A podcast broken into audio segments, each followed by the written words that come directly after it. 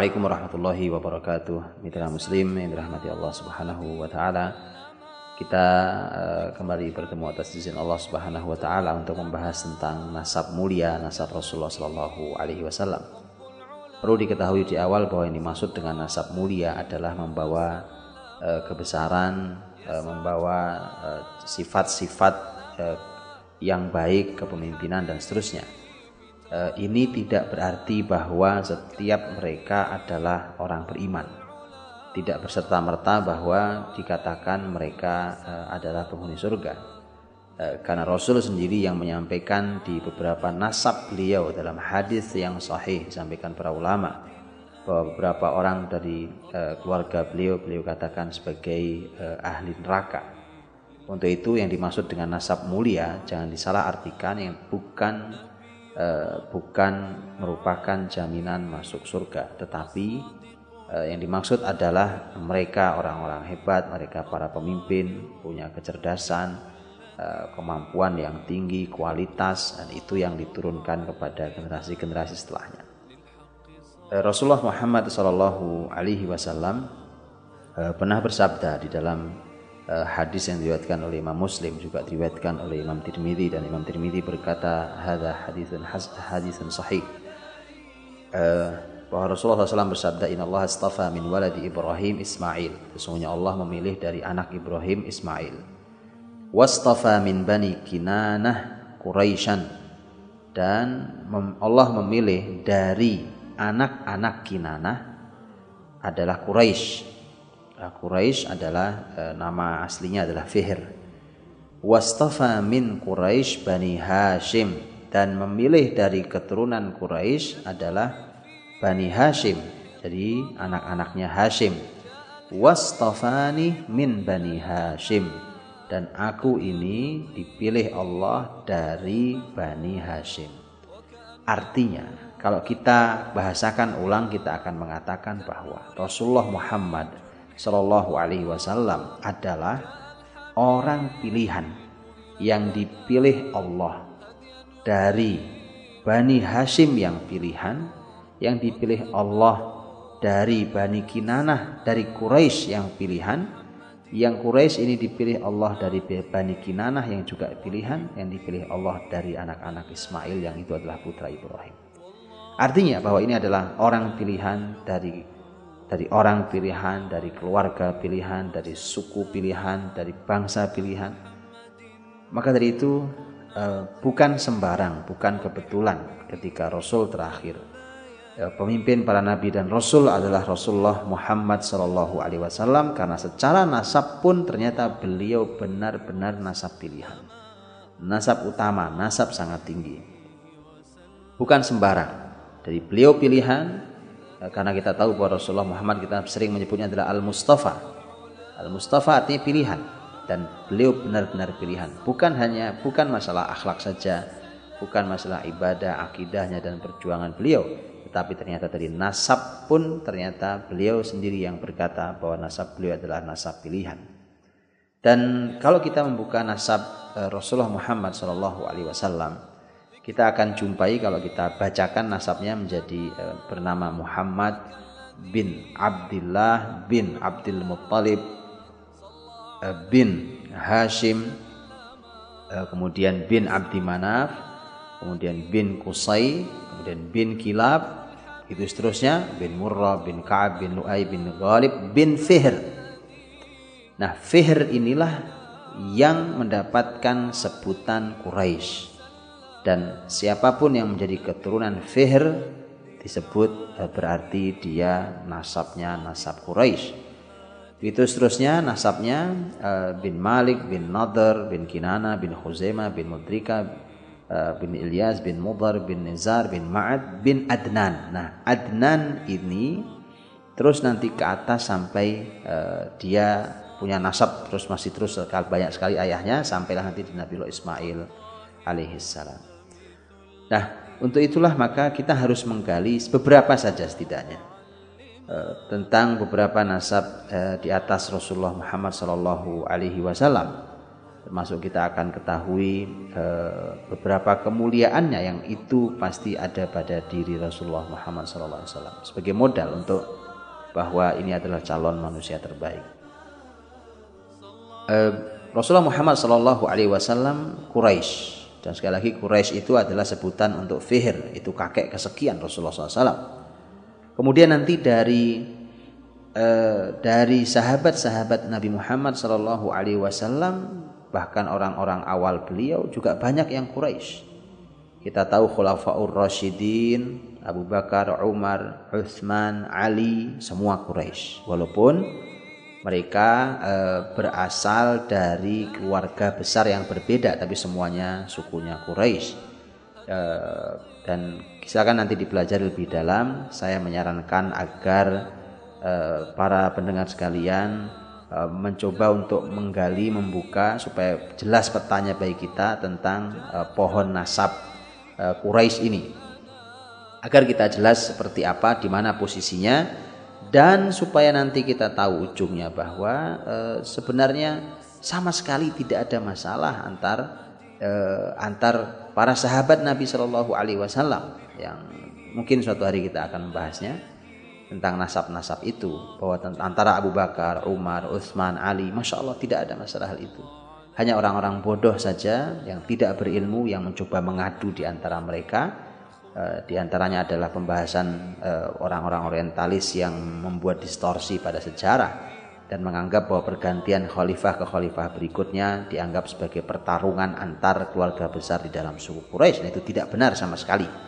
Karena mereka punya hubungan spesial di antara mereka, bahkan mereka saling menikahkan anak di antara mereka, saling saling mengambil menantu, mertua, bahkan saling, saling berbesan di antara mereka.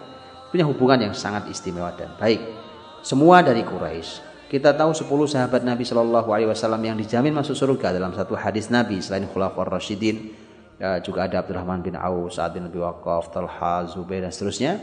Mereka semua juga berasal dari nasab Quraisy. Begitu seterusnya. Sangat banyak eh, orang-orang istimewa di pemimpin-pemimpin awal sahabat mereka berasal dari masyarakat Quraisy. Ya, walaupun mereka berbeda-beda uh, dan karena berbeda-beda itulah maka mereka punya keahlian dan peran berbeda-beda di antara para sahabat Nabi uh, Shallallahu Alaihi Wasallam. Uh, Khulafaur Rashidin contohnya uh, mereka seperti Abu Bakar As-Siddiq. Abu Bakar As-Siddiq itu dari Bani Taim. Quraisy tapi dari Bani Taim, anak-anak Taim, At-Taimi. Adapun adapun Umar radhiyallahu anhu adalah dari Bani Adi, maka disebut Al-Adwi. Eh, kemudian Utsman kita tahu dari Bani Umayyah dari Al Umawi uh, kemudian Ali radhiyallahu anhu dari Bani Hashim satu nasab dengan Nabi wasallam Al Hashimi semua Quraisy dan mereka luar biasa hubungan antara mereka. Untuk itu untuk itulah maka kita perlu belajar tentang kalau Nabi Muhammad SAW menyebutkan semua istimewa dari Quraisy itu ya, mereka punya kelebihan keistimewaan tetapi ternyata Allah memilih jalur keluarga besar Nabi Muhammad adalah jalur keluarga yang paling istimewa dari semua yang istimewa. Maka mari kita lihat e, beberapa orang ke atas saja. E, ketika kita membahas tentang Hashim. Hashim adalah e, ayah dari kakeknya Nabi Muhammad SAW jadi ayah kakeknya Nabi Muhammad SAW itu ayahnya Abdul Muttalib. Uh, Hashim uh, bukan nama aslinya. Karena uh, nama aslinya adalah nama aslinya adalah Amr. Uh, Hashim yang nama aslinya adalah Amr itu uh, memiliki tugas as dan rifadah. Ini uh, karena di masyarakat Quraisy mereka dahulu berbagi uh, tugas di Mekah. Jadi dibagi berdasarkan keluarga besar. Kalau keluarga besar Hashim, uh, maka tugasnya sikoyah dan rifadah. Uh, sikoyah dan rifadah adalah memberi minum dan memberi makan uh, tamu yang haji. Jadi bayangkan dahulu orang berhaji itu dilayani secara khusus bahkan gratis oleh keluarga Bani Hashim. Dan itu sebuah kemuliaan besar, sebuah kemuliaan besar. Kalau hari ini Eh, hari ini ada petugas-petugas haji. Nah, dahulu petugas-petugas haji itu dari masyarakat Quraisy dan memberikan pelayanan gratis. Ya, kalau hari ini kita masih harus membayar, mereka dahulu memberikan pelayanannya gratis. Dan itu sebuah kehormatan. Uh, dan rifadah. Jadi memberi minum dan saat itu kita tahu padang pasir punya peran air memiliki peran sentral. Uh, kemudian rifadah adalah urusan uh, memberikan makan kepada para jamaah jamaah haji. Karenanya Amr ini diberi gelar Hashim atau sebutan Hashim Eh, karena kata Hashim li hazmihi li hashmihi al khubz istilahnya itu karena dia mengolah mengolah adonan itu sampai menjadi roti itu namanya kegiatan Hashim. Dan makanya disebut dia Hashim. Dia orang yang memang mengolah menjadi roti. Mengadoni sampai kemudian menjadi roti. Dan itu sebuah penghormatan. Dia diberi nama Hashim. Uh, Hashim ini uh, dikenal sebagai orang yang kaya dan pula punya kemuliaan sangat besar di masyarakatnya. Ya, dialah yang orang yang pertama kali memberikan makanan tharid untuk jamaah haji. Tharid adalah eh, makanan yang istimewa di masyarakat Arab dan eh, Hashim inilah orang pertama yang membuat perjalanan yang disebut dalam surat Quraisy. Ila ila fihim ila fihim was-saif bahwa kebiasaan orang Quraisy adalah melakukan perjalanan musim syita dan musim saif, musim dingin dan musim panas. E, inilah orangnya. Jadi Hashim inilah orang yang pertama kali membuat kebiasaan menyebar di Quraisy bahwa mereka punya perjalanan dagang di musim dingin dan perjalanan dagang ke arah yang lain di musim panas. E, dan Hashim dalam salah satu perjalanan dagangnya ke negeri Syam karena dia seorang pedagang besar, nanti dia singgah di kota Madinah. Eh, kota Madinah, Yathrib saat itu namanya. Karena dari Mekah untuk ke Syam itu salah satu tempat persinggahan yang strategis adalah Madinah atau Yathrib. Eh, dan di situlah dia menikah dengan seorang wanita bernama Salma eh, binti Amr. Ini berasal dari suku Bani Najjar untuk itulah Nabi SAW, Nabi Muhammad SAW sebenarnya punya nasab Madinah dari sisi ibu. Jadi sebenarnya Madinah bukan tempat yang aneh, yang asing buat Nabi Muhammad karena dia punya nasab besar di masyarakat Bani Najjar dan masyarakat Bani Najjar inilah yang nanti menjadi pendukung utama Nabi Muhammad di kota Madinah yang memberikan banyak fasilitas kepada Nabi Muhammad SAW. Karena mereka sadar bahwa Muhammad ini adalah nasab dari jalur ibu.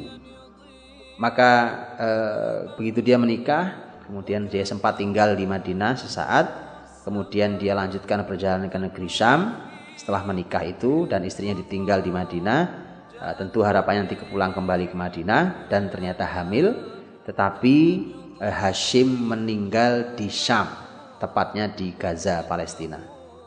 Nah, jadi Gaza itu menyimpan eh, jasad seorang Hashim dan setelah itulah maka ternyata lahir lahir dari rahim Salma istrinya Hashim e, seseorang yang diberi nama Syaibah. Dalam ada yang menyebutkan namanya Syaibatul Hamdi.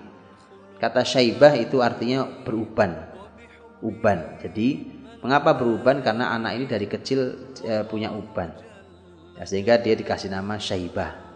E, beruban. Mungkin bukan uban, walau alam, tapi karena berambut berwarna putih, tetapi e, dikenalnya sebagai uban. E, maka syaibah. Tetapi menjadi menarik e, syaibah ini ketika ketika dia adalah anak yang punya nasab Quraisy, bahkan nasab penting karena anaknya Hashim langsung.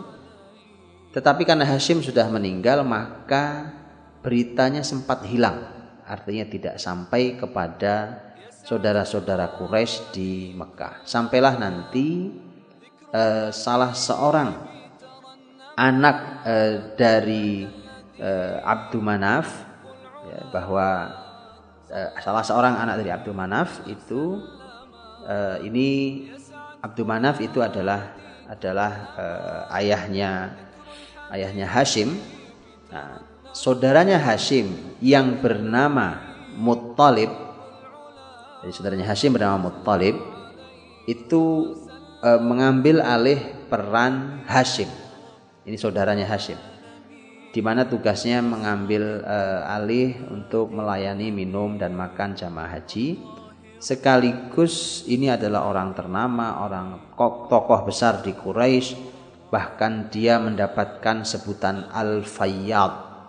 Al-Fayyad itu e, artinya orang yang luber.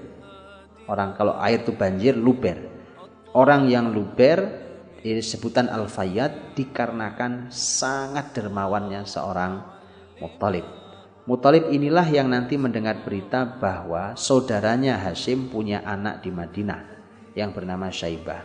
Maka didatangilah ia ke didatangilah Syaibah itu uh, di Madinah dan diminta baik-baik dari keluarga uh, ibunya uh, di Madinah. Di awal tentu ditolak, tetapi kemudian Muttalib memiliki kalimat baik. Dia mengatakan bahwa anak ini akan kami bawa kepada kerajaan ayahnya. Kalimat yang indah sekali. Dan ini bukan bohong. Tentu berat melepas anak yang dari kecil dilahirkan, ditumbuh, besarkan, kemudian tiba-tiba diambil oleh orang lain. Walaupun mereka tahu itu adalah keluarga ayahnya. Maka kalimat inilah yang membuat uh, keluarga sang ibu mau melepas uh, Syaibah jadi Muttalib saudaranya Hashim membawa uh, Syaibah yang merupakan anaknya Hashim.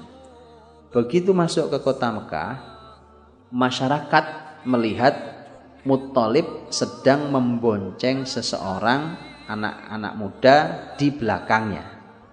Kemudian orang mengatakan, oh yang di belakang itu adalah budaknya Muttalib.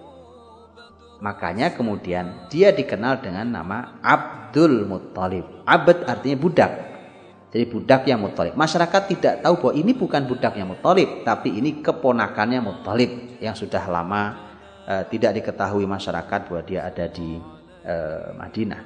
Begitulah kurang lebih sejarahnya Abdul Muttalib dan kita tahu bahwa setelah itu maka Abdul Muttalib inilah kakek Nabi SAW dan dia pemimpin yang sungguh sangat luar biasa. Eh, di zamannya dia memimpin dan dialah satu-satunya orang yang berhak meletakkan kursi di samping Ka'bah. Yang tidak boleh ada satupun orang yang duduk di atas kursi itu bahkan tidak anak-anaknya. Ini sangat spesial eh, menjadi orang yang sangat terhormat. Abdul Muttalib kemudian punya anak laki-laki. Ada 10 laki-laki selain ada yang perempuan. Dan anak laki-laki yang yang sangat dan paling dicintainya bernama Abdullah. Abdullah inilah ayah dari Nabi Muhammad Shallallahu Alaihi Wasallam. Dan uh, di zaman Abdul Muthalib lah terjadi uh, peristiwa uh, Abraha, di mana Abraha datang membawa pasukan bergajah yang diabadikan di dalam surat Al-Fil dan menceritakan peristiwa penghancuran rencana penghancuran Ka'bah oleh pasukan bergajahnya Abroha yang kemudian dihancurkan Allah mereka dengan niat jahat itu dan itu menandai lahirnya Muhammad Shallallahu Alaihi Wasallam. Dan ini semua nasab-nasab besar ini kita akan belajar untuk kita semua. Kalau itu nasab Nabi, apa hikmahnya buat kita? Karena kita bukan nasab Nabi bagi kita yang bukan nasab Nabi. E, bagi mereka yang nasabnya Nabi sangat jelas bahwa anda punya nasab semulia itu, punya nasab kepemimpinan, punya nasab kedermawanan, Eh, punya nasab keistimewaan, punya nasab berbagi bagi masyarakat, terutama mereka yang sedang beribadah, uh, sikoyah memberi minum, arifadah memberi makan dan seterusnya. Uh, keberanian berhadapan dengan Raja Zalim Abroha itu bagi anda yang punya nasab Quraisy. Tapi yang tidak, nah kita perlu belajar sekali lagi bahwa ternyata uh, kalau kita sering membahas tentang penyakit genetik kita menyebutnya ada penyakit-penyakit yang oleh medis dikatakan bahwa ini ada peluang yang lebih besar terjadi kalau dia punya gen. Milik ada di antara keturunannya yang punya penyakit tersebut.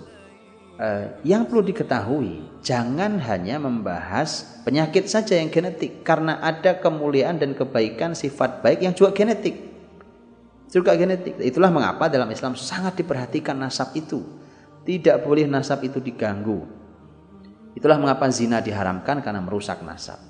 Uh, itulah mengapa uh, dalam Islam nasab begitu dijaga karena nasab itu begitu penting. Bahkan Rasul sendiri yang menyampaikan kepada kita Ketika uh, seorang laki-laki memilih seorang perempuan untuk dijadikan istrinya, salah satu pilihannya kata Nabi adalah masalah nasab atau masalah hasab. Nasab itu artinya jalur keturunan, dia anak siapa, keturunan siapa. Artinya, kalau dia punya nasab mulia, maka harapannya anak cucu kita semua mulia seperti nasab dia. E, atau hasab. Hasab, para ulama mengatakan bedanya dengan nasab, hasab adalah kemuliaan nasab itu.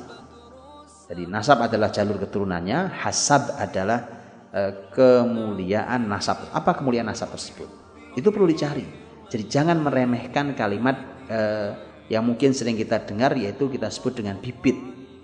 Ini bibit, kamu keturunan siapa? Bukan berarti kemudian kita menolak orang baik-baik, orang yang sudah sesuai kriteria yang baik secara agama, walau dia bukan dari nasab yang semulia yang kita harapkan. Tetapi artinya bahwa nasab itu punya posisi sendiri, punya peran sendiri. Kalau orang bisa ideal mendapatkan semua sampai dia sampai nasabnya maka tentu itu jauh lebih luar biasa.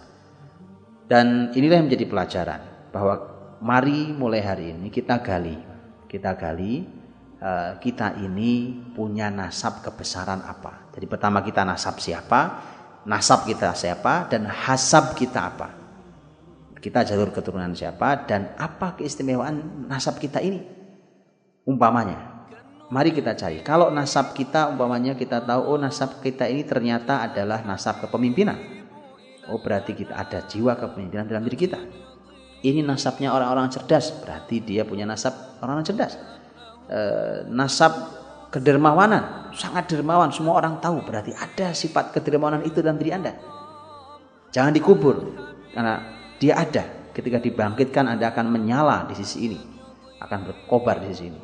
Maka tugas keluarga muslim hari ini kenalkan pada anak keturunan Anda siapa Anda ini, nasab siapa dan apa kebesaran nasab. Ini salah satu pelajaran mahal karena artinya kebaikan yang ada di nasab kita ke atas itu ada di dalam diri anak dan cucu kita.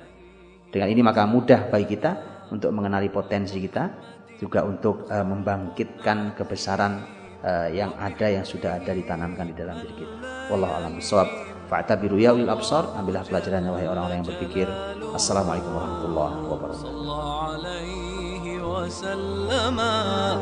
صلى عليه وسلم. ذاك الذي ذاك الذي رب العلا.